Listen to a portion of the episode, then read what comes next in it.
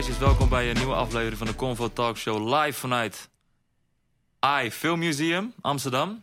Uh, in een iets andere setting dan normaal. De Fano en Yuki zijn aan het genieten van een uh, welverdiende vakantie. Dus uh, jullie moeten met mij doen, man. Maar ik heb een hele speciale gast, Jim Tai Hutu. Welkom, man. Heel vet dat je er bent. Ben ik echt heel blij mee. Want toen ik dit begon, stond jij op de eerste namen die ik graag als te gast wilde hebben. Echt? Meen ik oprecht, ja. Wanneer ben je begonnen? Vier jaar geleden. Vet. Dus uh, ja, nu eindelijk komt het van, man. Hoe is het met je? Goed. Ja? ja. Nog uh, goede vlucht gehad? Goede vlucht gehad. Helaas uh, weinig geslapen. Helaas kinderen met jetlag zien we dan ja. vanochtend wakker maakten vroeg. Dat zijn andere dingen. Ja. Reizen met kinderen. Ja, man. Want je woont nu in Bali. Ja. Hoe is het om in Bali te wonen, man? Uh, ja, goed. Ik kan, kan niet wat ja. zeggen. Ik kan ja. er wel een heel dramatisch verhaal bij vertellen. Met zijn goede live, kan ik je vertellen. Maar we leven daar rustig, hoor. We leven daar niet gek of zo, weet je. Mm. We doen niet uh, gek... Uh... Eerlijk, klinkt als een droomleven, man. Dat hoor je heel vaak. Op een dag, ik ga naar een eiland, fuck alles. Ja. Ja, je moet voor jezelf gewoon die... die target of zo zetten, mm. weet je. En dan moet je het ook gewoon doen. Want veel mensen zeggen het. Ja. Um, maar ik denk het probleem is, is altijd meer, weet je. True. Dus... Was dat voor jou een target van het begin van Bali? Wil ik... Uh... Oh ja, 100%. Oké. Okay. Maar doen, zeg maar, is nog een... Uh... zeg ik dat? Ik wil niet meteen diep in het verhaal, als je nee, vraag hebt. Maar je weet veel, veel mensen zeggen tegen me van... ja, ik ga het ook doen en dit en ja. dat of zo. En dan sommige van die mensen, ook een beetje in de muziek zien of zo... die zie ik. Ik zie ze gewoon, uh, ze gaan goed, toch? Ja. Maar er is altijd beter. Dus, dus ik denk die stap, de moeilijkste stap is eraan te zeggen... ah, hier is goed. Ja. Nu ga ik het doen. Zo, want weet je, stel je target is... Uh, ik wil 1 of 100, ik wil 100 hebben. Dan heb je bijna je die 100, denk je, ja, die zit ik zo dicht tegen die 200 ja. aan, toch? Ja.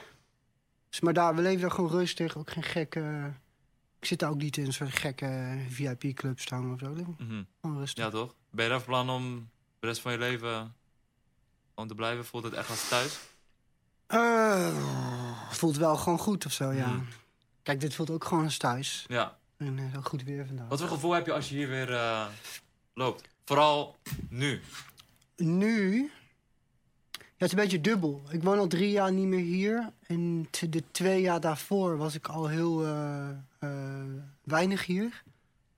En dus dat ik echt heel actief en dat ben ik niet uit Amsterdam verhuisd op een gegeven moment.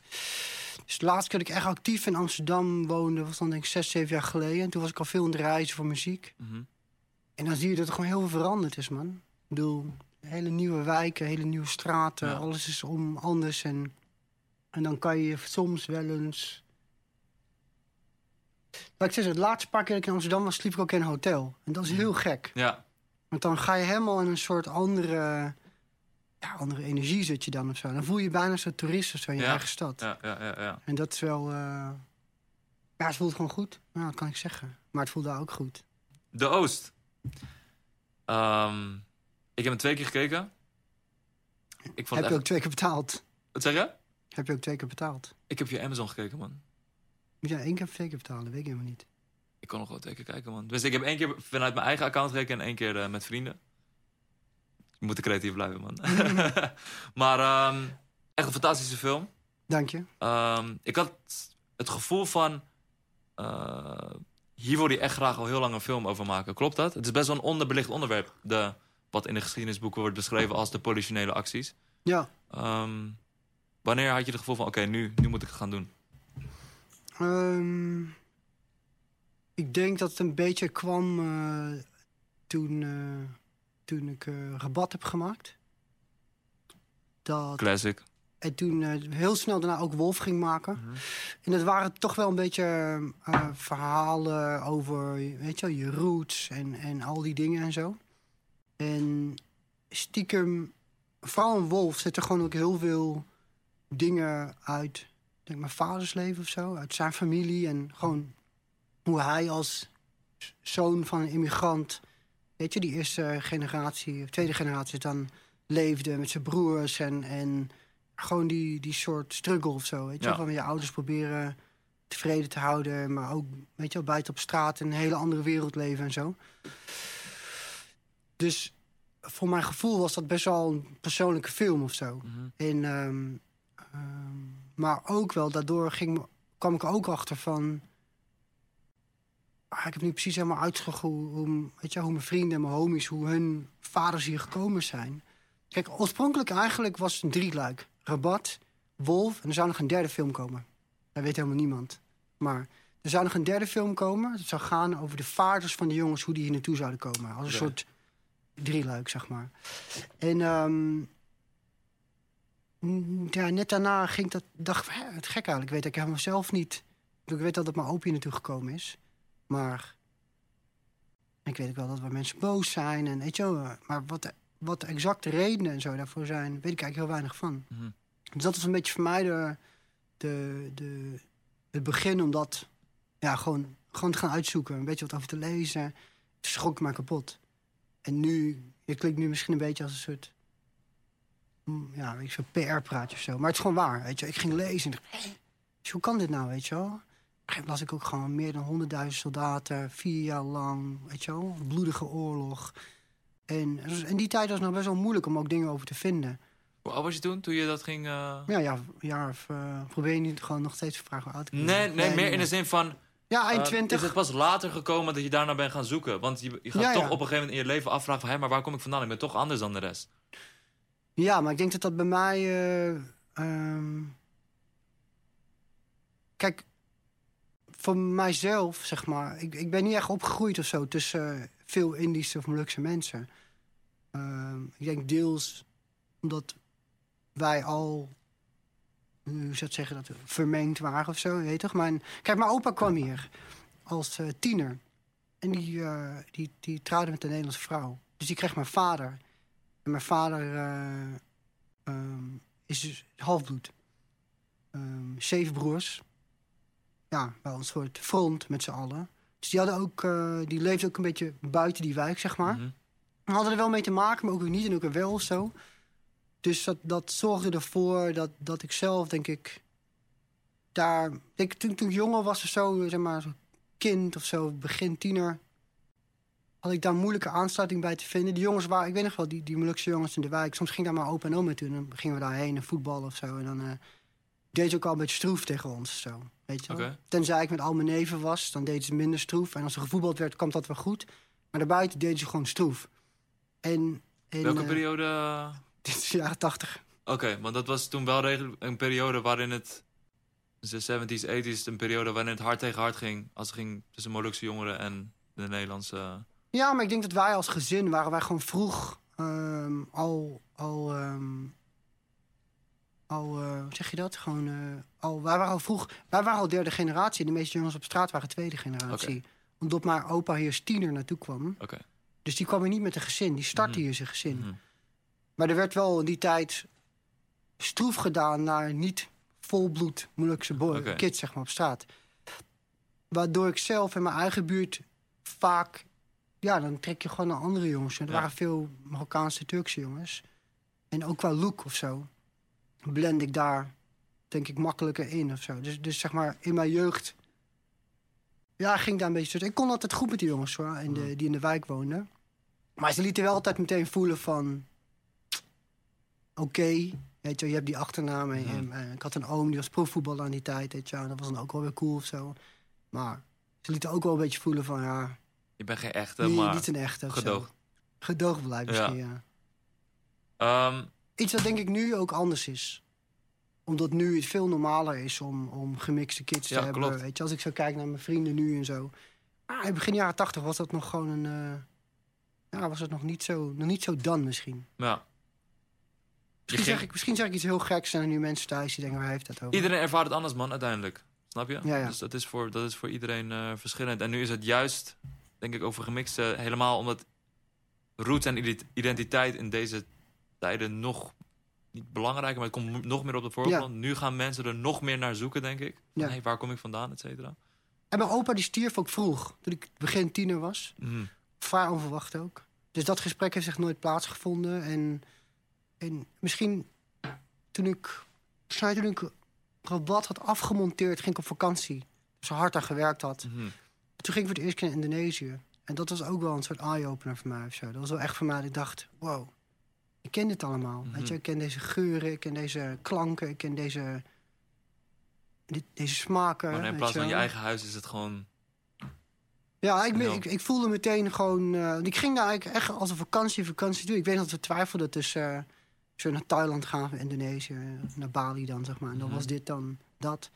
Maar ik weet dat we in Jakarta aankwamen. Dat ik al meteen dacht... Ik weet nog dat zelfs dat de man die bij de... eh, weet je, die je paspoort checkt, de douane... Die, die, eh, die had ook dezelfde voornaam als mijn opa. Dat vond ik al meteen heel gek of zo. Mhm. En, eh, en dat ik meteen dacht van, echt al na een paar uur dacht ik al van, ah, crazy. Ja, hier kom ik ook vandaan, Ja, weet je wel? En dat had ik niet verwacht. Ja. Dat kwam echt een shock voor mij gewoon. Ik zag ook dingen liggen dan, weet je wel, bij mensen, weet je wel, dat ik dacht van, ah, dat hadden wij vroeger ook, maar ik heb dat nooit hierbij, we hadden dat Mhm. ook gewoon huis. Maar ik had dat nooit geplaatst van, dat het Ja. dan daar vandaan kwam. was ik je eerste keer naar Indonesië gaan nadat je... Na Rabat toen? Ja. Heb je dat afgemaakt? Oké. Ja. En toen begon dan een eerste Ja. vonkje eigenlijk in van... Oké, En dat is een cool. beetje, ging ook een beetje ge- gepaard met dat ik toen daarover begon te lezen. En nog, op een gegeven moment was ik in een kleiner dorpje en ehm, daar was een, eh, ging ik een winkeltje in. En daar was een man aan het, eh, ehm, gewoon wat water te kopen of zo, ik weet niet eens. En er was niemand.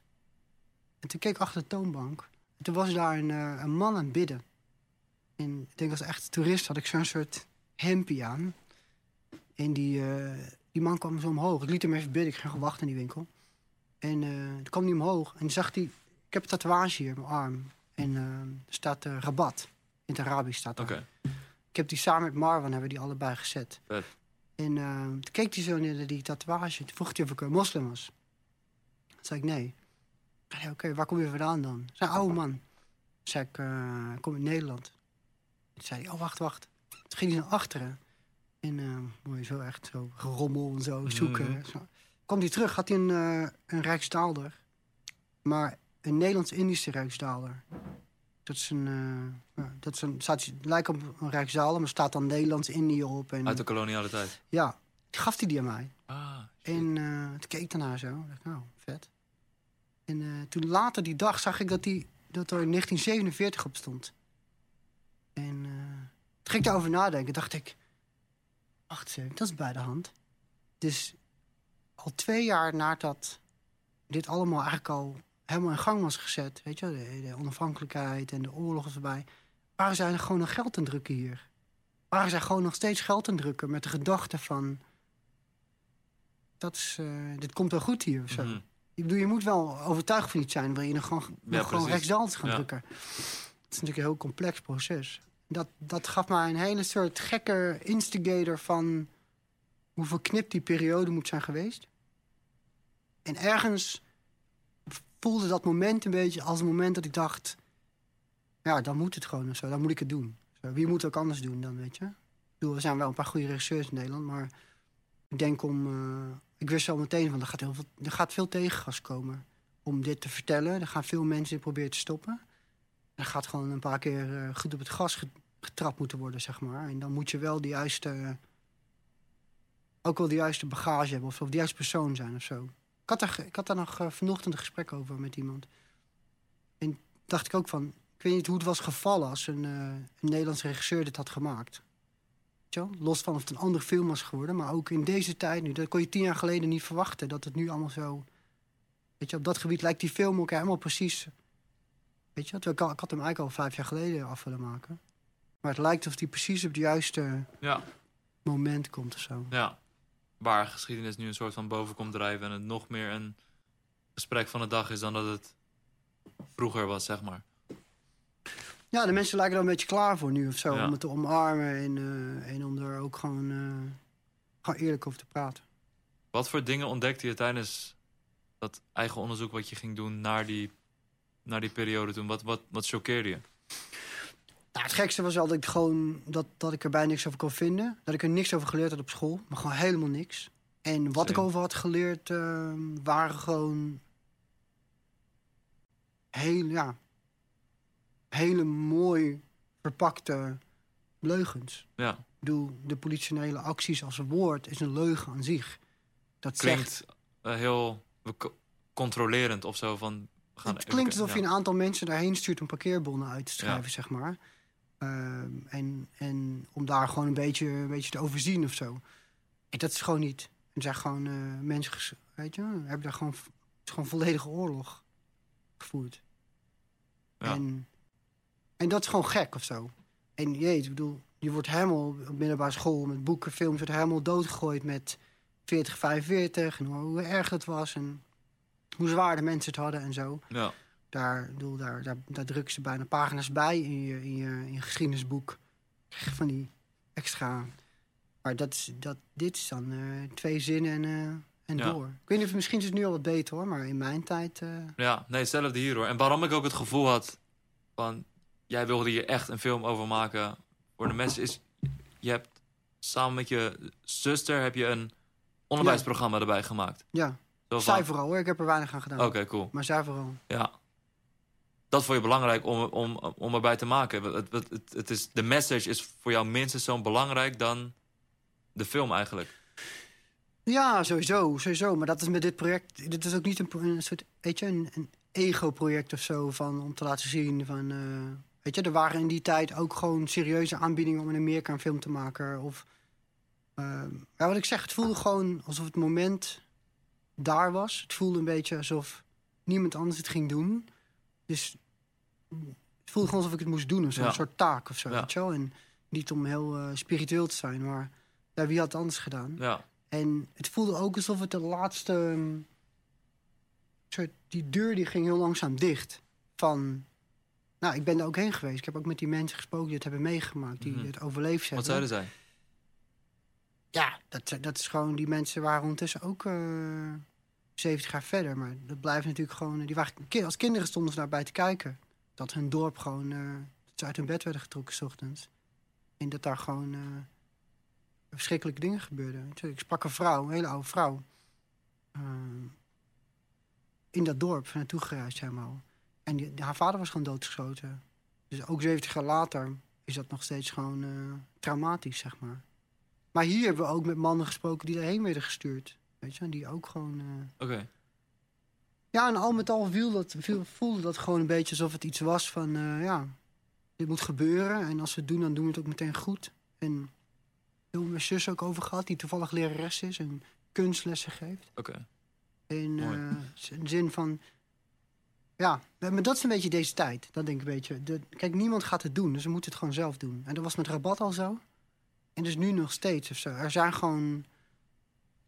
Het gros van de mensen gaat gewoon heel goed mee. En hun leven gaat perfect. Dus waarom zou zij verandering willen? Snap je? En wat je ook wil in dit leven of zo. Als je die verandering wil, dan moet je het gewoon zelf doen. Ja. Dat zie je nu in de muziek, zie je het gebeuren. In de film zie je het gebeuren. Mensen gaan het niet geven, weet je? Mensen Ja. zitten niet te wachten op eh, nog een paar eh, gekleurde jongens die eh, een film maken of een album droppen of eh, weet ik veel, een eigen iets beginnen of zo. Ja. Een podcast beginnen. Een podcast beginnen, ik, wou- ik wilde het net zeggen. Ehm, Nee, maar ik, ik, ik weet helemaal niet hoe jullie gestart zijn. Maar ik kan me voorstellen dat niemand jullie gebeld heeft gezegd... Hey, dit moest paar, voornamelijk vanuit ons komen, ja. precies. Ja. Jij tweette in aanloop nadat de film uitkwam dat er op een Wikipedia-pagina Ja, een beschrijving werd aangepast. Dat, dat, dat was voor mij echt. eh, ja. wat, wat, wat was dat precies? Ja, iemand wees mij daarop. En er schijnt een soort van... eh, mensen schijnen dat in de gaten te houden. Ehm, maar blijkbaar werd er vanuit ehm, een computer van Defensie... werd de Wikipedia-pagina van onze film aangepast. Er werden woorden als onafhankelijkheidsstrijd, vrijheidsstrijder... dat soort dingen werden aangepast. Ik weet eigenlijk niet meer precies welke woorden, maar van waren dat soort woorden. Dat is krankzinnig als je erover nadenkt eigenlijk. Ja, Er is iemand geweest die zei van... Nou ja, dan maar, dan maar zo. In plaats van misschien het eerst aan jou vragen of iets. Maar het was voor hun echt blijkbaar een noodzaak om dit te doen. Wat, wat was je reactie erop? Nou, in eerste instantie liet ik het een paardje liggen. dacht ik, nou, dat is bij de hand of zo, om dat Ja. gewoon eh, te doen. En, en ook, waar zijn die mensen nog zo bang voor? Of zo? Het is toch vrij duidelijk wat daar gebeurd is. Ik bedoel... Maar Met alsof ze een, juist een waarheid willen verbergen of zo. ja. Maar ook zo in plain sight of zo. Ja, Je kan het beter niet doen. Nu, nu zijn er juist heel veel mensen naar dit dit onderwerp toegetrokken. Ook, ik, had, ik had daar een schermafbeelding van gemaakt. had ik getweet inderdaad. En daar, daar heel veel mensen vielen daarover. Maar het is ook een paar weken geleden dat volgens mij de minister van Defensie ook Reageerde gewoon, op je film, ja. Gewoon een tweet eruit stuurt om slecht over deze film te praten. Dat is krankzinnig als je daarover Ja. nadenkt. Dat gewoon iemand die gekozen is om het land te leiden zich, ja, ik wil niet zeggen verlaagd of zo, maar zich geroepen voelt om, om een uitspraak te doen over een artistiek project of zo. Ja. Maar goed. Ergens ook het gevoel van, daar heb ik ze even. Ja, nou ja, dat is natuurlijk niet, dat is niet helemaal de bedoeling of zo. Nee. Maar het is gebeurd toch. maar als er zo hysterisch over gedaan wordt, dan heb je toch ergens van, oké, ik heb jullie op een zere plek te pakken of zo. Dat is het vooral. Het is Ja. vooral dat je denkt van, oh ja, dus dat is gewoon precies waar jullie bang voor zijn. Ja. Hoe waren jouw gesprekken met veteranen, Nederlandse veteranen, die eh, dat meemaakten? Ehm, ja, interessant vooral. En heel verschillend. Er waren wat mannen die hadden weinig meegemaakt daar. En eh, er waren mannen die hele heftige dingen hadden meegemaakt. Sommigen kwamen terug en die waren helemaal gedesoriënteerd. Maar ik sprak ook, ook, een paar mensen die dan gewoon de eerste twintig jaar van hun leven gewoon al gewerkt hadden, niks aan de hand. En toen opeens helemaal in een soort ding vielen met nachtmerries. En, en eh, weet je, gewoon dat eh, veel later hun pas begon te, ja, echt te achtervolgen. Wat, wat ze daar gedaan hadden of gezien hadden. Of waar ze, weet je, eh, niet, niet, eh, niet, te- te- niet, weet je, iets dat ze niet hadden tegengesproken of zo. Ze Ja. hebben- Er zijn gewoon verschrikkelijke dingen gebeurd. En veel van die jongens konden daar ook niet per se iets aan doen of zo. Die werden daar ook maar heen gestuurd. Ja. En Maar vooral hele jonge jongens, toch? heel jong. Veel werden ook gewoon in de kerk gewoon eh, geronseld. Ah, Er werd er gewoon in de kerk gezegd van... jongens, die mensen hebben ons daar nodig. Het is goed als we, als we daarheen gaan. Hadden ze begrip voor dat, dat jij hier een film over wilde maken? Het is toch een... De, mannen die ik gesproken heb wel. Ja. Die waren wel... Er waren ook een paar mensen bij die nog nooit over gesproken hadden. Oké, Die echt ook... Dat zegt veel. Ja. En die ook een beetje zoiets hadden... Eén man sprak ik en die had ook een beetje zoiets van... Ja, ik heb hier nooit over gepraat, maar... Ik ben al zo oud en het feit dat nu een paar jonge mensen... naar maar, we gingen al die dorpen af... ehm, hier naartoe komen om hierover te praten... is misschien wel het moment dat ik erover moet praten of zo. Mhm. En, eh, maar er zijn ook wel mensen geweest die niet wilden meewerken, denk ik. Die heb Ja. ik dan niet gesproken, maar Er is zelfs geprobeerd om een disclaimer op jouw film te krijgen. klopt. Wat, Ik denk, was... ik denk dat, dat dat in de film dat een soort diss track of zo. Ja, Ja. want zij wilden dat jij voordat de film startte, dat dit... Dat, Dat jij er communiceerde naar de mensen dat het... eh, dat het een film is. ja. Dat het geen documentaire is. Ja, Ja, ook. dan, dan heb je nog wat te Van doen. welke instantie kwam dit?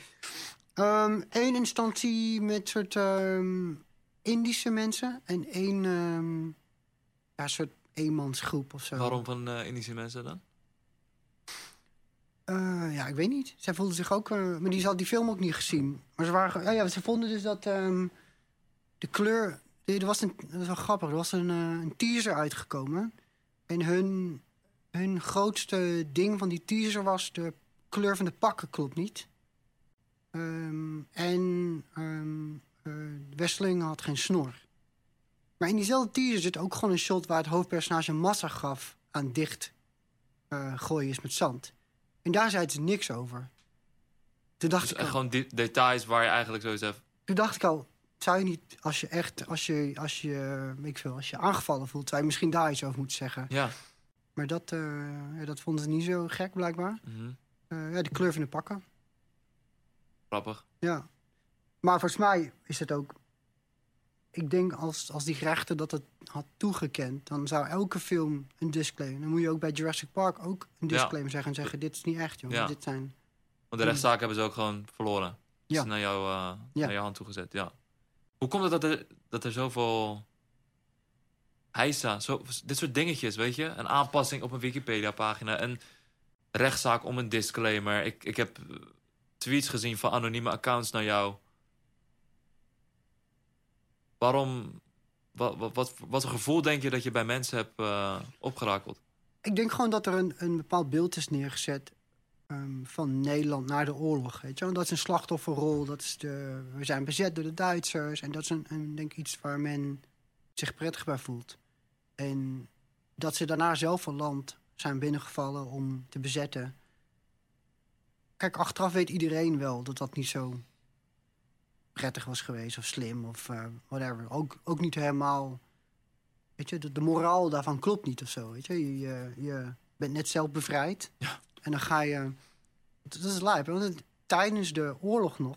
Want ons koninghuis zat natuurlijk ehm, hoog en droog in Engeland. Ja. Die waren daar al plannen aan het maken om zodra de bevrijding zou plaatsvinden, zo snel mogelijk die jongens bij elkaar te ronselen, eigenlijk.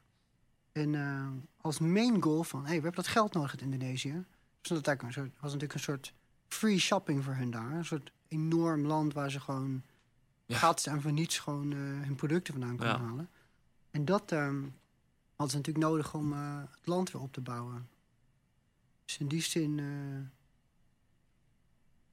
ja, ik weet niet. kijk, Raar, ja, dat- gewoon raar. Van je bent net bevrijd en je gaat vervolgens ergens anders plunderen. Ja, en ik denk dat nu, zeg maar, 20, 30 jaar later begon het besef een beetje van, oh, die shit was echt niet, niet, niet oké. En veel mensen zijn denk ik opgegroeid met die gedachte ehm, dat dat niet heeft plaatsgevonden. Dat is gewoon voor hun veel, veel comfortabeler of zo. Ja.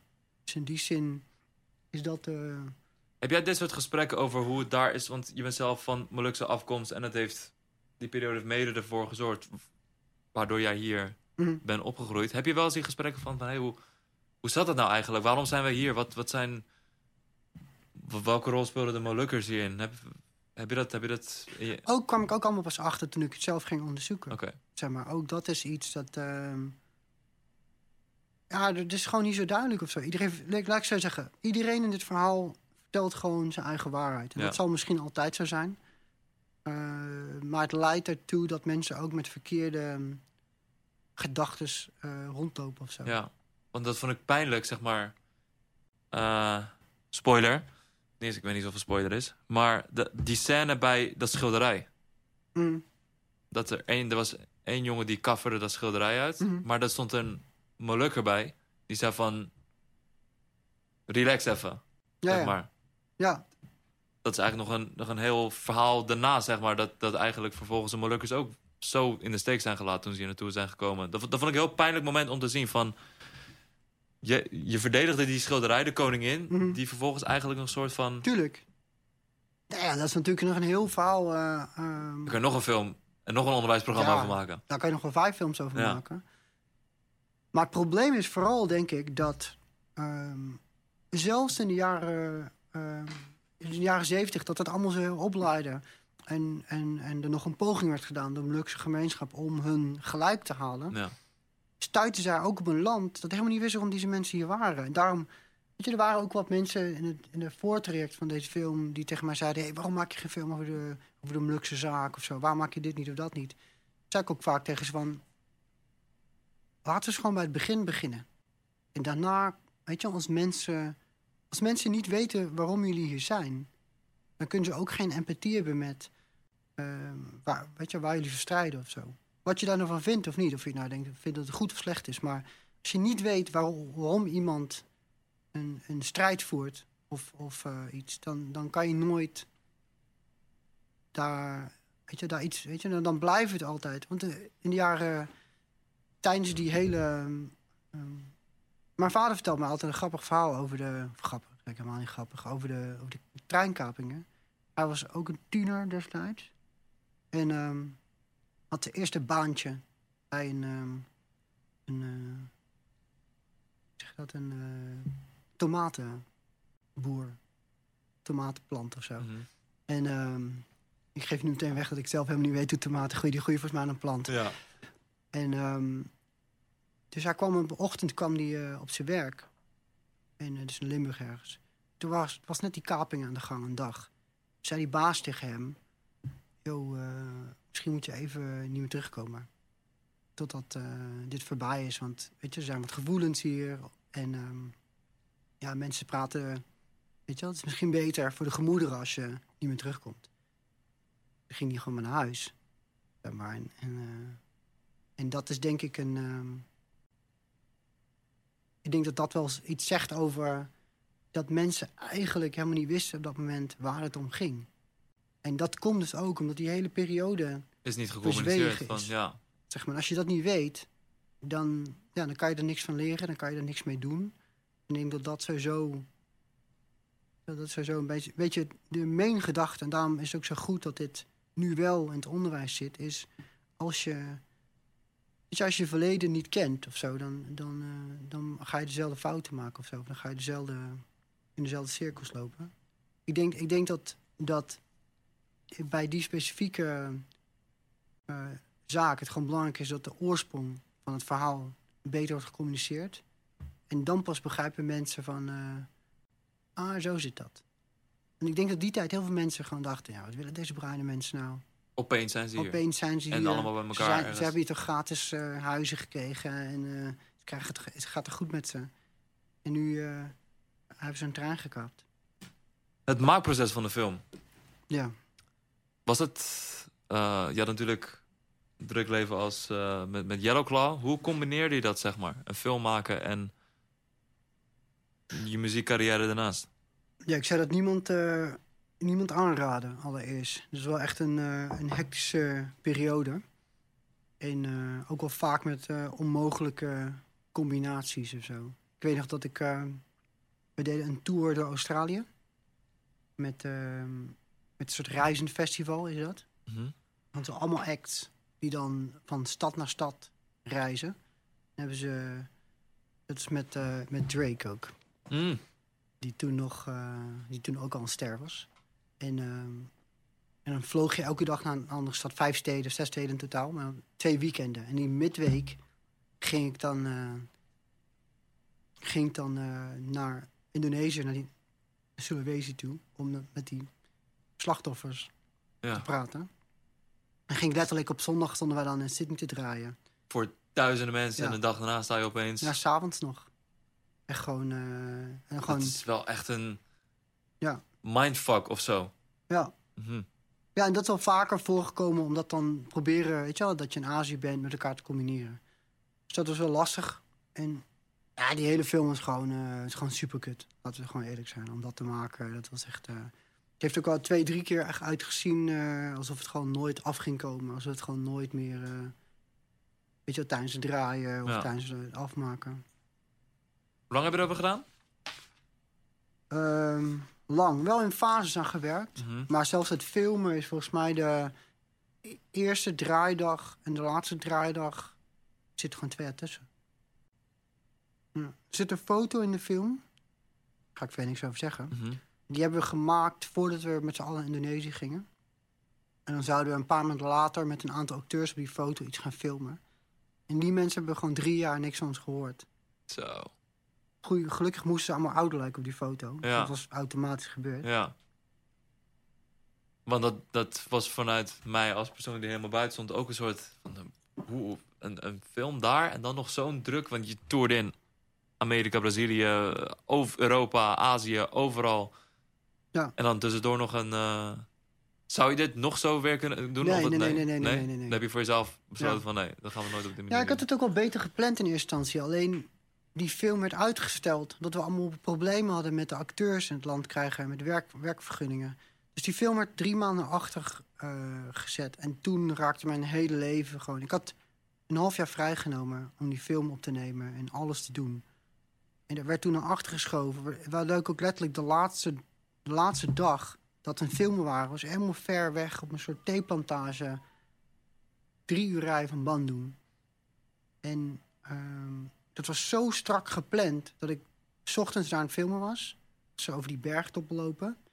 En mm, zodra het weg was, werd ik opgehaald met een busje.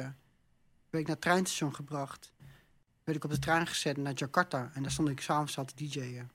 Zeg maar, er was gewoon geen rek meer ook in dit, in dit proces. Die, die, die boekingen die stonden gewoon. En, en er was al zoveel geld verloren gegaan in het project... dat ik, dat ik gewoon moest gaan, ik moest gewoon gaan DJ'en. Gewoon. Mhm. Het was gewoon, we waren al twee keer, was het geld gewoon op.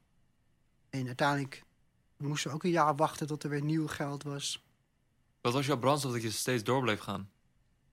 Want je zegt, soms had je het gevoel, dit gaat nooit afkomen.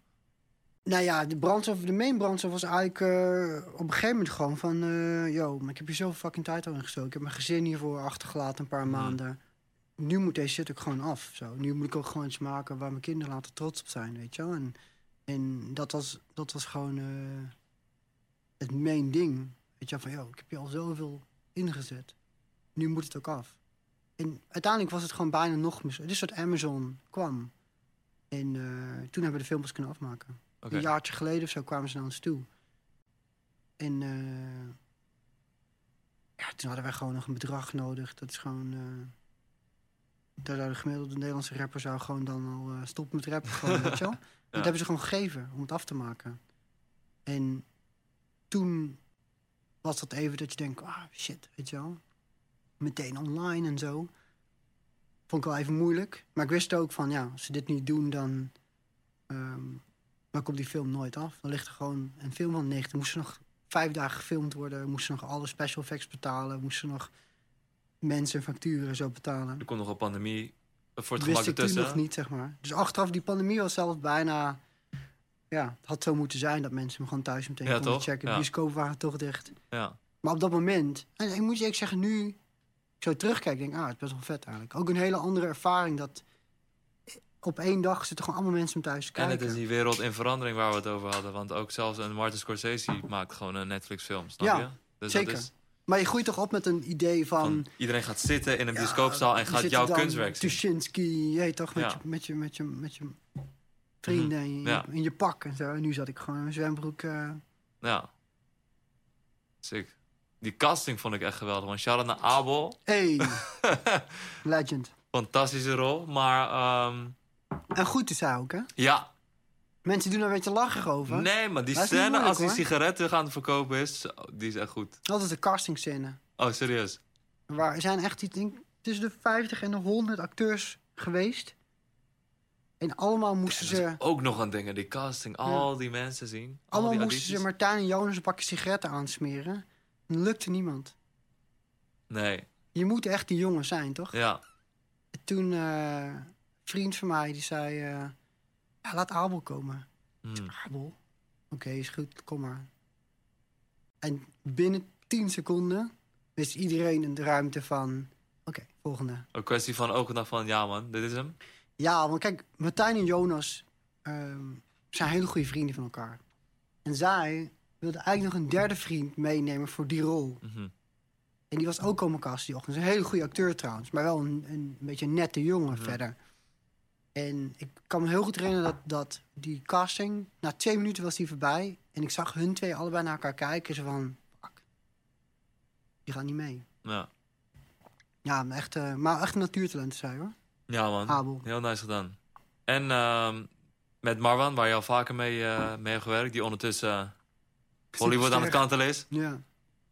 Ook, ook voor hem was het, was het wennen voor hem om weer in een Nederlandse film te spelen? Want Nou ja, het is niet wennen, maar het was wel gewoon anders. Weet Ja. je? Dit was wel gewoon. eh, hij kwam net van eh Aladdin volgens mij. mhm, En daar, eh, weet je, dat is die live. Gewoon zo'n andere live. Weet je, dan, dan zijn er gewoon jets en helikopters die met Will Smith naar restaurants brengen. Als je gewoon nog zin hebt en iets lekkers avonds. ja. En hier zaten wij gewoon een. z'n twee op een stoepje Soto arm te eten. Ik heb een paar hele grappige foto's waar gewoon op de stoep lunchen te eten uit een bakje. Die stuurde ik dan ook naar zijn agent in Amerika. Om eens een beetje op te fokken. Ik ken, ik ken die mensen. ja, Maar van, eh, het gaat goed, hij zit nu in zijn trailer. Die was het natuurlijk niet. ja, Maar ja, het is wat het is. ja. Hoe kijk je naar zijn eh, succes? Ook begonnen in de krochten van de Nederlandse filmindustrie, opgewerkt. En nu, against all odds... Ik ken geen andere Nederlandse acteur verder. Misschien kan misschien aan mij liggen die, die het zo succesvol nu in Hollywood bezig is. Nu niet. Nee, je hebt misschien Michiel Huisman, die doet heel goed. Ja, je hebt Caries van Eh, Houten. Chris van Houten, ja. En, eh, maar hij is wel echt grote dingen doen. Hij zit nu Ja. ook weer in een gigantische film met, eh, met eh, The Rock, weet je ook weer. eh, Dwayne Johnson. Dwayne ja. Johnson. Ook gekke DC-film. Zit hij daar de hele dag, hangt hij eh, in zo'n blauwe studio eh zo'n lasers te Ja. schieten met zijn oog. Gek. Dat is wat hij nu doet.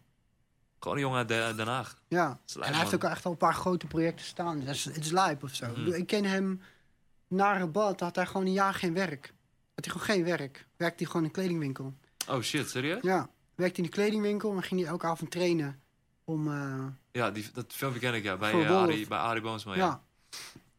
En ehm, ja, nu heeft hij gewoon... eh, ja, wat kan ik zeggen? Ja, hij staat niet meer in een kledingwinkel te werken. Nee. Maar het is ook gewoon vet of zo, want hij doet gewoon wel zijn ding of zo. En, eh, zo maar hij is nu ook met wat andere dingen bezig die... eh, oh, hij, weet je, hij is wel tof. Ik praat veel met hem over de balans tussen... eh, de ene keer doe je een hele grote commerciële film... en dan doe je weer een kleine film. Om, om, Grounded te blijven op een manier. nee, om gewoon je eigen spel... ehm, Ja. Weet je toch? Kijk, die, die, die Hollywoodfilms zijn er super vet. En het is natuurlijk ook gewoon heel goed voor je bankrekening. Maar het is niet ehm, als acteur zijnde. Wat ik zeg, hij hangt daar nu gewoon in een blauwe studio aan een touw. Hij is lasers aan het schieten met zijn oog naar, naar Dwayne Johnson. En die zijn er niet. Dus hij is het gewoon dit aan het doen. Ja. Maar hij heeft natuurlijk gewoon klassieke training als acteur gehad. Het is ook gewoon goed om dan kleine films te doen. Weet je, waar gewoon... eh, om je de, de spier van je acteren gewoon te trainen. Mhm. In plaats van. eh, Nee, dat zeg ik niet verkeerd. Want het is eigenlijk gewoon super vet wat hij doet. Mhm. Maar het is, weet je, het is natuurlijk gewoon een ander, ander soort werk of zo. Ja. Het is allemaal duidelijker. Weet je, dus, oké, hij komt, hij is de villain, hij is slechterik, hij schopt Ja. een paar mensen in zijn gezicht. En eh, ik als acteur zijn, dan moet je je blijven ontwikkelen. Daar gaat het om. En dat is wel een soort traject waar hij nu in zit. En dat is wel heel vet. Ja. Ja, maar verder is het natuurlijk gewoon te gek. Ik bedoel, het is crazy wat je zegt. Hij is gewoon echt een jongen. Zijn eerste rol op IMDb is Scooterjongen 2. Nee, dus Scooterjongen 2 was hij in volgens mij Flikker Maastricht. Aha. Dus dat is gewoon zeg maar... Oh ja, we hebben nog een bruine jongen nodig die daar op een scooter zit. Ah ja. Waarschijnlijk te dealen of zo, waarschijnlijk. En nu zit hij daar gewoon eh, grote dingen te doen. Crazy. Crazy. Het is ook goed voor jonge acteurs om te zien Zeker dat man. het kan. Absoluut. Absoluut. Absoluut. En dat is ook met Ahmed zo. Ahmed Akabi. Ja, hij is gewoon, nu gewoon legend geworden. Ja, toch? Ja. Wat vind jij eh, van zijn ontwikkeling, van Mokro Mafia? Hoe kijk jij daarnaar? Ja, ik vind het super vet. Mhm. Ik zeg je gewoon super eerlijk, ik vind het vet. Ik kijk de serie ook echt met veel plezier. Mhm. Ik krijg vaak eerder afleveringen. Dat is van mijn eigen. Ja. eh, dus dat is ook vet.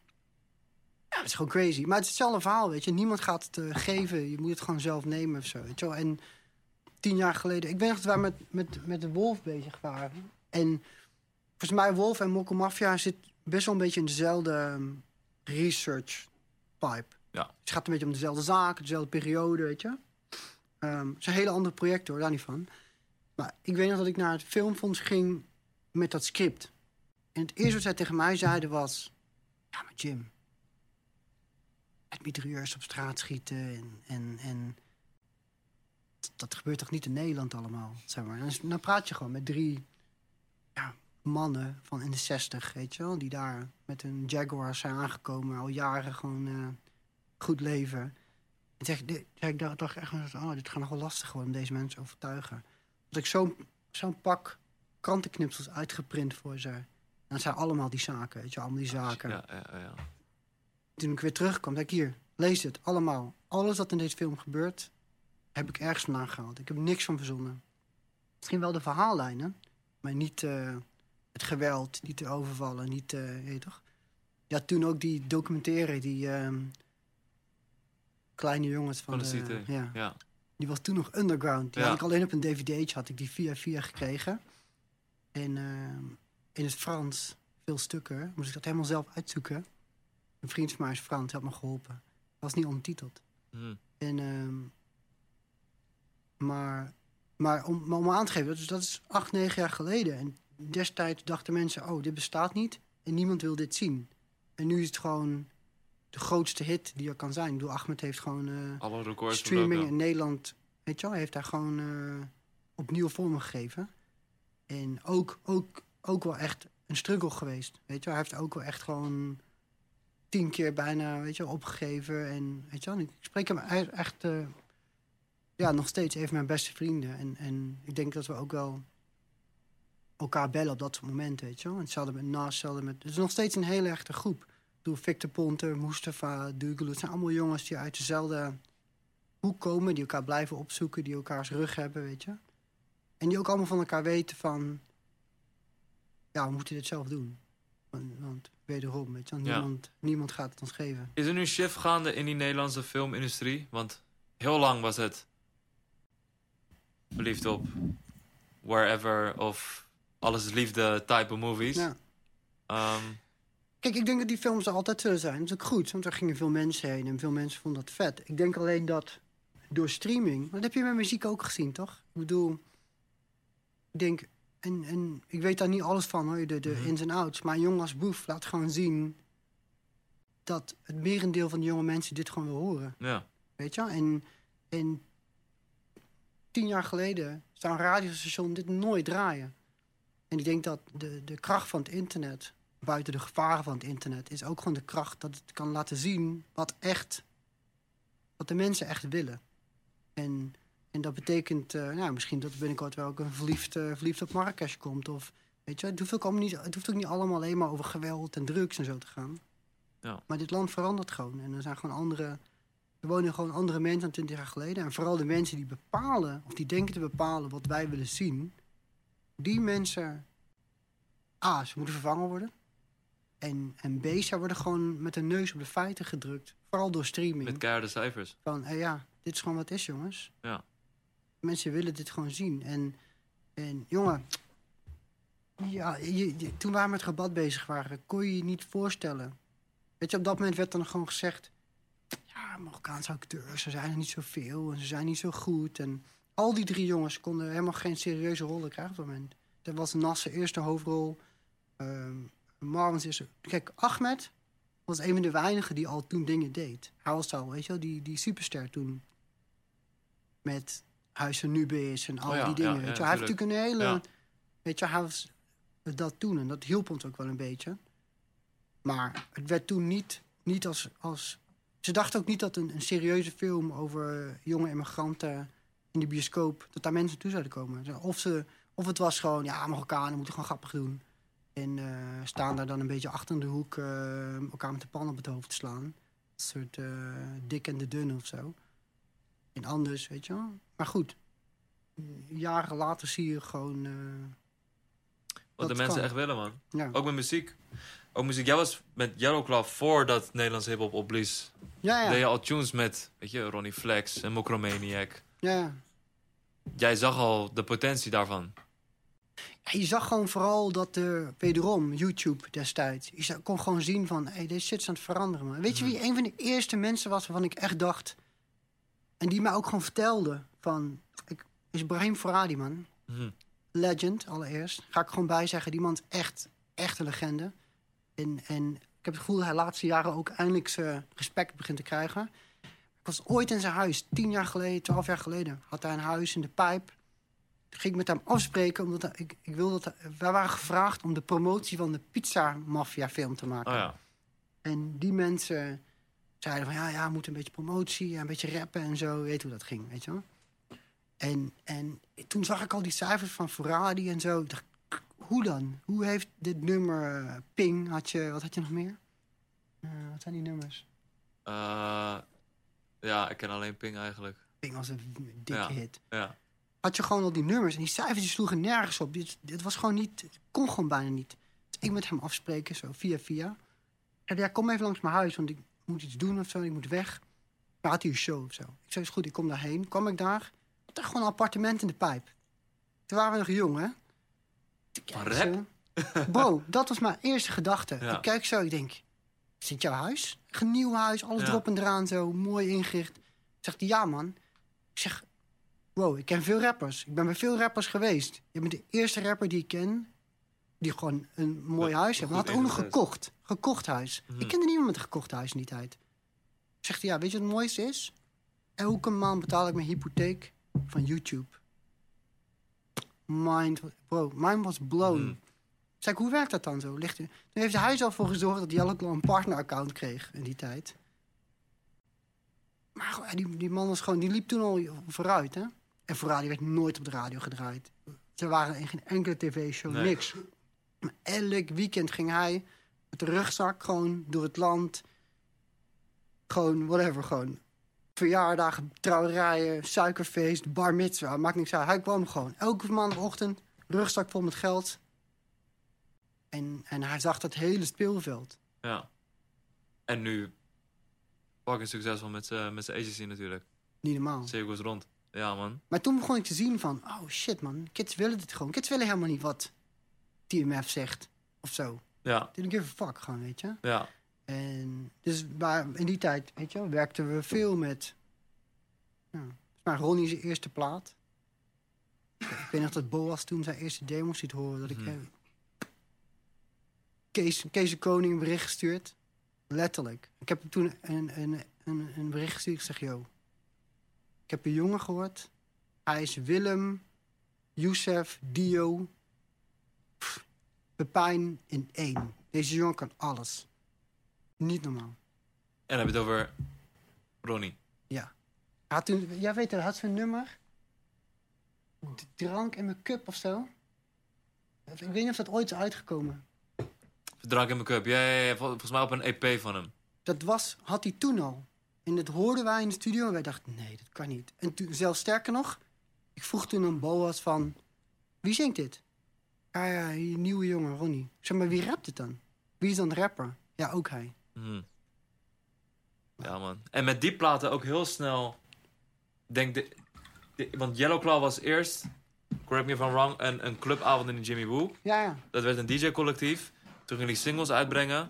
En dat waren die eerste singles die vervolgens nooit meer slapen. Allermooiste feestje.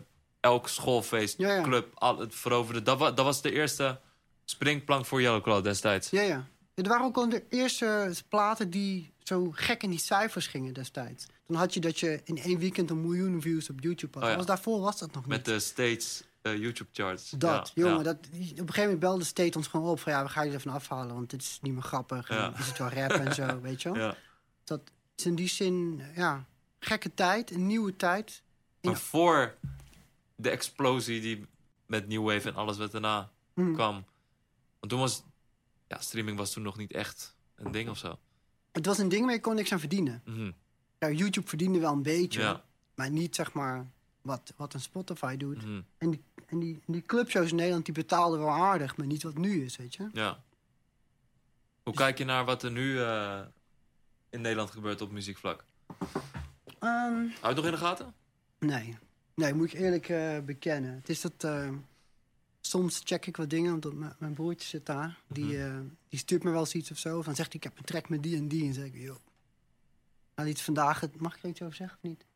Een track horen met, met Kevin. Dat ken ik dan wel en dat vind ik Mhm. wel vet. Ik voel me nu vet oud, hè? maar ehm, ja, check, wat ik gewoon vet vind, is dat die boys gewoon allemaal slimme deals hebben tegenwoordig. Ik weet hoe... hoe Want toen, in die tijd van die singles, toen was de muziekindustrie echt op zijn gat, voor mijn gevoel. Ja, maar ook daarin, wij begonnen ook daarin. Wij betaalden onze eigen shit. We betaalden onze eigen clips. Als iemand onze muziek wilde uitbrengen, is goed, 50-50. Ik weet nog dat ik de eerste keer dat tegen iemand zei bij een plaats van mij, J.O. 50-50. Hij krijgt er gewoon 80%. Ja, dacht, ja, dan niet. Zo, het hoeft niet. Die singleverkoop is niet belangrijk voor ons. Voor ons gaat het alleen maar over die eerste twee tracks, Allermooiste Feestje en Krokodil. Die stonden gewoon gratis op Soundcloud. En toen pas kwam naar Topnotch of Sony van, ja, kunnen we niet die single verkopen? Maar er was nooit, de, de muziekindustrie lag zo op zijn gat, dat we niet eens over nadachten om het te verkopen, die muziek. het moest gewoon in de streets werken en daaraan gekoppeld moesten er gewoon shows gedraaid worden. Ja. Toen in een rap tempo Nederland overgenomen, toen gingen jullie Ja. overseas. Ja, er lagen toen gewoon wat kansen en die, die EDM-sound, die begon ook wat ruwer te worden. En je Ja. had in, in Amerika had je Skrillex en Diplo en zo. En wij passen daar gewoon precies bij op dat moment. En Een hele Nederlandse wave, wat je net zegt, die met EDM Ja, Noord-Amerika overoverde. ja, je had Dus, ja. Afrojack, je hebt Martin Garrix en wij waren dan zeg maar de, de bad boys Mhm. van die van met dubstep drops en zo kwamen. Maar dat, in Amerika hielden ze ervan, in Azië houden ze ervan en, en nog steeds. En dat is gewoon eh, ook een kwestie van weten van, oh shit, als we deze hele zomer niet tienertour gaan doen of, of zomertour, maar we gaan naar Amerika voor weinig geld DJ'en en al ons geld uitgeven aan vluchten en weet je, het is een soort van, ja, moet het gewoon een beetje... Het kwam op het juiste moment Het eigenlijk. kwam precies op het juiste moment. En, en, en je moet ook durven ervoor te gaan. Er zijn genoeg mensen in Nederland ook geweest die het niet durfden op dat moment. Die toch die, die paar, paar maars of die paar ruggen ergens toch gingen halen in plaats van... Ja. Ja, Van een, eigenlijk van een clubavond naar gewoon... Zo is gigantisch. ja, Tracks daarna gedaan met... Oké, we luisteren met Migos, Saweetie, Tyga, Ty Dolla Sign, A$AP Ferg. En er zijn nog maar een paar, nog veel meer. Hoe kwam, hoe kwam dat tot stand? Gewoon die formule die jullie hier hadden, gingen jullie daar in Amerika toepassen? Ja, ja. Ja, Ja, we- dit is gewoon dat gat tussen hip-hop en, eh, en eh, dance of zo. Mhm. En het allergekste, is, ik dacht vroeger, ik was vroeger gewoon hip-hop DJ. Ik draaide in de Bitsu, die draaide, weet je, aan de Jimmy Woo en zo. Draaide ik gewoon, weet je, een beetje RB en hip-hop Mhm. aan elkaar. Totdat we een beetje begon te rommelen met die soort, weet je, die soort beat tapes en die dubstep shit. En toen, op een gegeven moment draaiden we EDC Las Vegas. Echt 10.000 mensen. En ik weet dat, dat we voor Afrojack moesten draaien en na Hardwell of een soort Hardwell-achtige DJ. En dat, ik, dat wij backstage stonden en dat ik echt dacht... Oh, weet zij wat voor muziek wij draaien? Weet zij wel dat wij ook gewoon... A$AP Ferg gaan draaien zo? Mhm, weet je ja. wel? Gaan deze mensen niet schikken? Mhm. En toen pas werd er voor het eerst gezegd... Ja, ze, dit zijn eh, nieuwe sterren EDM-DJ's. En toen opeens was ik een EDM-DJ geworden. Maar lijp. ja, die shit, die, die muziek met maken in Amerika is wel anders. Business. Meer business. Maar volgens mij is dat nu hier ook wat meer of zo. Ja, was, die, die, die eerste Jelko-plaat was gewoon... Ja, gewoon mensen checken. En is Ja. vet of niet? En, en in die tijd vonden mensen het gewoon eh, gek om eh, op iets geks te springen, Ja. weet je? En ik kende natuurlijk van mensen... Ik had al clips voor Sjaak gemaakt. Ik had al... Kende Mokromaniac, weet je wel? ja. Als clipregisseur. Dus ik dacht altijd wel van... Ah ja, het zou wel goed zijn. Gekke, gekke drop. Ik weet nog dat ik de eerste keer Sjaak... eh, die, eh die liet horen. Krokodil ook. dacht hij dat ik, Shit, dacht man. hij letterlijk dat ik gek was. Ja. Maar dat is een... Voor een hele generatie dat memories, man, als je die tune hoort. Ja, voor mij schoolfeesten. Shit, man, dat was misschien ook wel die eerste Nederlandstalige, Caribische influenced Hm. hit. Ja. Ja, ja, ja, ja. Zeker, man. Hoe, eh, want op een gegeven moment, dat was gewoon een succes. Jullie waren echt aan het killen in het buitenland en, eh, en eh, Busy stapte eruit. Ja. Hoe was dat voor jou? Want dat, dat, voor, voor Busy heeft dat breed uitgelegd hoe, hoe hij erin stond. Hoe was dat voor jullie? Ehm, ja, het was gewoon wat was of zo. Hij zat gewoon op dat moment in een situatie dat hij gewoon niet verder kon. Mhm. Ehm, en we hadden zoveel daarin geïnvesteerd op dat moment. Weet je, niet alleen financieel, maar ook gewoon met onze, met onze levens. Ja, het was gewoon, eh, het was jammer. Maar het was misschien ook wel het juiste of zo, wat op dat moment moest gebeuren. Ik denk dat die dynamiek was ook gewoon niet meer daar. En we wilden allemaal iets anders. En, en ook qua...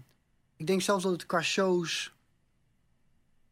was het in die end beter. Want dat we heel veel praten en heel veel, weet je, heel veel, heel veel schreeuwen en zo. En dat, dat begon men ook in Amerika en zo een beetje klaar mee te raken. Mhm. Dus in die zin. eh, het was ook niet heel plotseling hoor. Dat was wel iets waar we al een jaar over aan het praten waren. En ook wel iets dat we zagen gebeuren al een jaar lang. En kijk, je reist toch met iemand twee, drie weken per maand. Ja. Zit in dezelfde busje, dezelfde hotel. Dus je voelt gewoon. Dus zijn struggles zijn jouw struggles. Want, want de struggles die hij voert, dan wel aan de telefoon of whatever, je zit ernaast. Ja. Je kan daar niet aan ontsnappen. We hadden daar een paar gesprekken over gehad. En op een gegeven moment gaf hij aan van, ja, ik kan, ik, ik, ik moet, eh, dat. Ik ben blij voor hem dat het goed gekomen is vooral. Ja. En dat hij, dat hij, weet je, het zag er wel een tijdje slecht uit of zo. En hij ging ook wel, denk ik, een tijdje door een heel donker, donker periode. eh, waarin hij misschien, weet ik dan ook wel, dat hij misschien soms dat te veel op ons projecteerde misschien. Uit een soort van Het is menselijk. zoektocht. Daar Ja. heb ik al eens met hem over gesproken ook hoor. En, eh, maar ik vind het vooral knap dat hij Het hier heeft laten lukken. daar uit is gekomen, Ja. weet je wel. En toch als succesvol uitgekomen is. En, en ik zie hem ook nog steeds dezelfde... Ja, dezelfde werkethiek hebben, weet je. Dezelfde formules gebruiken. En dezelfde... Dat je toch denkt, daar zit dan ook een stukje trots. En dan denk ik, ah, Mhm. hij heeft er wel wat van opgestoken die Ja. periode. En toen ik hem leerde kennen... Nou, was hij wel een zoekende jongen of zo. Een zoeken, hij werkte gewoon een schoenzaak en... Mhm. Weet je wel? Die, die stap naar professioneel gaan. Opstaan, 's ochtends, je, weet je, je hustle aanzetten. En dat zie je aan hem, weet je wel. Ja. Dat is de kracht. Zijn grootste kracht is denk ik dat hij gewoon 's ochtends opstaan begint te werken. Waar heel veel boys gewoon nog even, weet je wel, een, eh, even een jonker roken of een game spelen. Of nog eh, even in een DM duiken of zo. Is hij gewoon... Ja, ja, het is het is. Ja, is jong geweest. En, eh, en ook daarin gewoon investeren in je eigen shit. Niet al je geld en domme shit uitgeven. Dat hoop ik. Dat, als ik nu naar het Nederlandse game kijk, denk ik soms... Boys, Relax. Ja. bewaar wat van het geld. En ik weet, een aantal boys zijn slim daarmee. Ja. Maar ik heb soms het gevoel dat ze elkaar wel op. naaien. Hij koopt een auto, hij moet een grote Sky was op een gegeven moment de limit. Hij moet twee auto's, ja. En dan komt opeens eh, corona, weet Ja. je. En dan, eh, Ook voor jullie. ja. Ik, ik zag een aankondiging voor Lollapalooza. Dat is een van de grootste festivals in Amerika. Ze zag gewoon weer staan. Jullie gaan gewoon weer doorknallen met, eh met Yellow Claw. ja, man. Een jaartje vrijgenomen. Dat was ook wel goed. Mhm. Achteraf had dat precies misschien wel wat had moeten gebeuren in mijn leven. Ja. En ja, we gaan augustus een maand door Amerika toeren. Tof. weer, eh, Tof. En ik zag een aankondiging, wat me totaal verraste. Je gaat een film over gabbercultuur maken. klopt. Ja. Hou. Nou ja, kijk, in principe is dat altijd gewoon mijn, een van mijn eh, fascinaties geweest. Was je vroeger een gabber? Nee, nee, ik was skater. Ah, Dus dat was eh not done. Maar het was gewoon, ja, ik vond het gewoon vet. Ik Ja. vond het toen al vet en later ook. Sterker nog, ik denk zelfs dat, dat de fascinatie voor gabber... heeft zelfs voor onze doorbraak met Jallok in Amerika gezorgd. Want wij begonnen die soort, die sound, die trap, dubstep sound... ook. begonnen wij die hardstyle invloeden in te zetten. En dat maakte ons Ja. op dat moment nieuw en anders.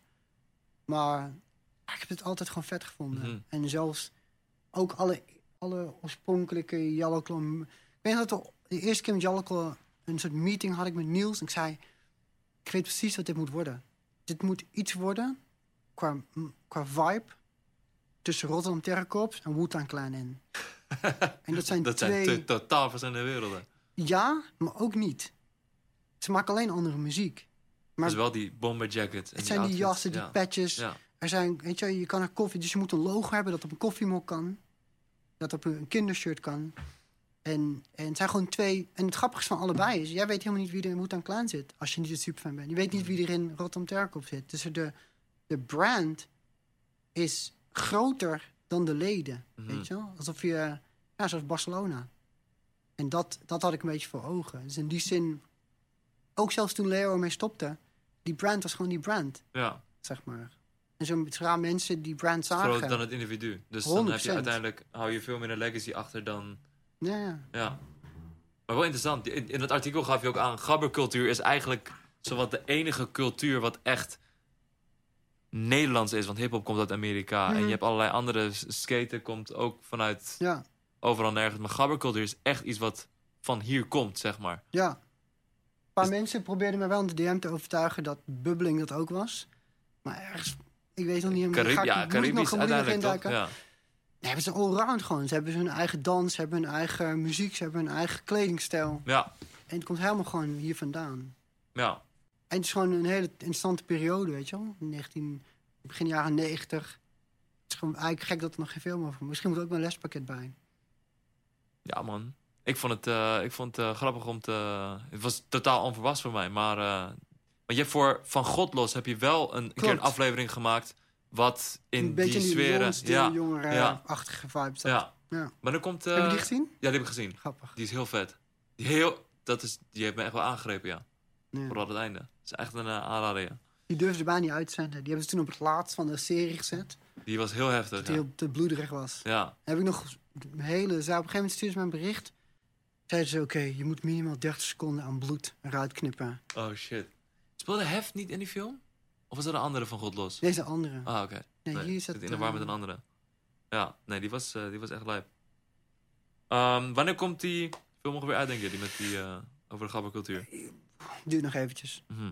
Maar het is sowieso, je moet sowieso met... Weet je, je moet sowieso met iets anders komen, toch? Ik bedoel... Na Wolf zeiden mensen ook van... Uh, Nederlands-Indië. Komt, nog, komt er nog een deel 2? Wolf? Ik, ik zit... Never. Nee? Nee. Dus je, je houdt ons confused. Met dat einde. Het einde is het einde Dat is misschien toch? wel... Dat, dat zag ik... Ja. Dat, dat, een confusing einde, dat is wel... eh waarvan het, is, het heeft nog heel veel... Hoe zeg je dat? Je houdt het open. Ja, open of niet. Het maakt eigenlijk niet... We hebben wel verschillende dingen gefilmd die dag. Mm. Scenario's. Ja, er zijn wat, wat opties geweest. Maar waar het om gaat is, denk ik, het einde. Voor mij altijd was gewoon van... Hey, hij heeft deze stappen genomen. In principe is hij gewoon dead man walking. Gewoon, weet je? Ja. Of het nu dan gebeurt, of vijf jaar later. Als je daar bent... ben je ook nooit meer gewoon eh, rust. Ja. Daar ging het vooral over. Mhm. Dus ja, het kan misschien nog 30 jaar geduurd hebben, maar op een dag. Ja. Grappig. Yellowclaw. Filmdirector. Klinkt als het ideale leven in beide vlakke bossen. Maar wat houdt je? Gezin, Tussen die drukke... gezin. Ik denk dat dat belangrijk is. Dat Maakt dat je gewoon- geluk, eh, gelukkig? Ook, 100%. Dat is het allerbelangrijkste sowieso. Je, je probeert ook gewoon dingen te doen om eh, voor je kinderen achter te laten, weet je. Ja. En dat zij ook met een hoofd kunnen lopen gewoon. En eh, misschien een paar struggeltjes overslaan. Niet te veel, Mhm. ook. Is nodig, man. Zeker niet te veel. Maar ehm, ja, je, weet gewoon, je wil gewoon dat ze een paar van die voordelen hebben later. Dat ze Ja. ook snel wat stappen kunnen maken. En niet, eh, weet je wel, via... Onderaan moeten beginnen. Ja. Ja. En Mooi gezegd. Ik denk dat dat je gewoon het allerrustigste houdt. Dus als je gewoon weet van... eh, ja, dan, ga, dan hoef je ook niet meer naar die afterparties. Dan hoef je ook niet meer te drinken. Dan hoef je, weet je al die, al die bullshit, weet je, die met de, de vanity van het succes zijn. Ja, komt ja, of zo, ja. weet je wel. Is allemaal niet belangrijk als je gewoon... Ja, wat ik tegen je zei, ik was gewoon vanochtend om half uur wakker. Ik gewoon dik trom te Dik kijken. trom kijken, ja. En dan kan je, kan je wel even op die ING kijken of zo. Maar dat gaat je niet helpen op dat Nee. moment, weet je wel. Ja. Dus in die zin... eh, Ik zeg je eerlijk, vanuit de buitenkant klinkt als een droomleven, man. Hoe jij in beide vlakken gewoon zo succesvol bent. Je woont, je woont in fucking Bali, bro. Is, je, je hebt het altijd zo geschikt als hoe je het wilde. Van filmdirector, maar ook Yellowclaw. En ik woon op een eiland. Ja. Kijk, die twee dingen hou ik ook een beetje in balans of zo. Snap? Normaal gesproken zou iemand zeggen, focus nou op één ding, joh. Dat, Ja. dat, dat meer. En dat jij denkt van, nee man. Als ik een film maak, maak ik een film en dan doe ik, bos ik ook met Yellowclaw tegelijkertijd. Nee, maar kijk, door die muziek kan ik gewoon precies de films maken die ik wil. En door de films kan ik ook gewoon precies met Yellowclaw zo diep gaan als ik wil. Zo. En, en ik weet gewoon van beide, weet ik van... Oh, als de Oost flopt, kan ik altijd nog gaan DJ'en. Ik hoef niet te, weet je, ik hoef niet te gaan bedelen ergens of zo voor Mhm. een project of Nee. ergens regisseren of zo. Hetzelfde met je muziek. Weet je, ook als je weet ik veel, een track uitbrengt met een eh hardstyle beat met A$AP Ferg erin en mensen zeggen tegen jou van, yo, fuck doe je gek? Je weet gewoon, ja, hey, als het niet lukt, maar ik ga altijd nog dit of dat gaan doen. Ja, En dat is denk ik, ehm, ik denk dat die balans is belangrijk. Ik denk als je te veel op één paard wet, dan wordt dat paard ook te belangrijk. Mm. En dan gaat het je overnemen of zo. Ja. Weet je? Dan sta je als soort gekke junkie gewoon eh, naast, naast de baan gewoon te schreeuwen. True. Wat is de kunst of de, misschien wel de key van eh, in beide werelden succesvol blijven en dezel- steeds die voldoening eruit halen? Ehm, gewoon 100% voor je eigen creativiteit gaan. Weet je? Als dat nou om een, om een track maken gaat of een videoclip maken of een, een, een, een hoodie die je wil droppen, weet je. Of, of film maken. Als je, het heeft weer- te maken met die onafhankelijkheid, denk ik, als kunstenaar, hoe je het wil noemen. Maar dat is denk ik de. Weet je, dat is gewoon waar je naartoe wil. Ja. Weet je, dat is gewoon. eh, en vanuit die onafhankelijke positie ga je echt gewoon op je, op je gevoel af, weet je. Van nee, ik vind dit gewoon top. Gut feeling. En, en, en, eh, en dat is denk ik de koers die... eh, de echte koers of zo, weet je. Als je Mhm. te veel gaat... En toen, die fout heb ik ook al eens gemaakt. Ook met muziek. Dat ik dacht, oh ja, moet een beetje zo klinken, een beetje Mhm. zo klinken. En op de andere manier zijn dat nooit de succesvolste dingen. Mooi gezegd. Wat wil je nog? Ja, gewoon eh, proberen oud te worden gewoon. Mhm. Ik wil gewoon eh, niks. Ik wil gewoon wat ik nu doe, wil ik gewoon forever blijven doen. Kijk, ik wil niet forever blijven DJ'en. Nee, Maar... Dat wil ik ja, gewoon... het, het is goed men- zo. dat- dat de Soms moet je ook zeggen, het is goed zo. Het is goed zo. Ik heb geen, eh, geen doelen of zo. Ja. Ik wil gewoon dat de mensen om me heen gewoon gelukkig zijn. En, en dat zij... dat je wat mensen kan inspireren of zo om... eh, weet je?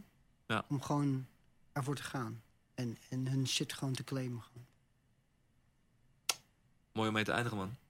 Ja. Thanks, allereerst. Heel erg bedankt. En eh, ja, man. Ik hoop dat je, ondanks de jetlag, nog eh, te doen was. We gaan nog koffie. We gaan zo nog koffie halen, ja, man. Dames en heren, ehm, ga echt de Oost kijken, alsjeblieft. Amazon Prime staat die op. Ook in de- bioscopen binnenkort. Neem het van me aan. Het is echt een fantastische film. Uh, van vandaag gezien de bioscoop. Vanaf vandaag? Ja. Boom. There you go. Convo Talk Show met Jim Tahutu. Thanks voor de aandacht. Abonneer en houd in de gaten, man. We out. Ciao.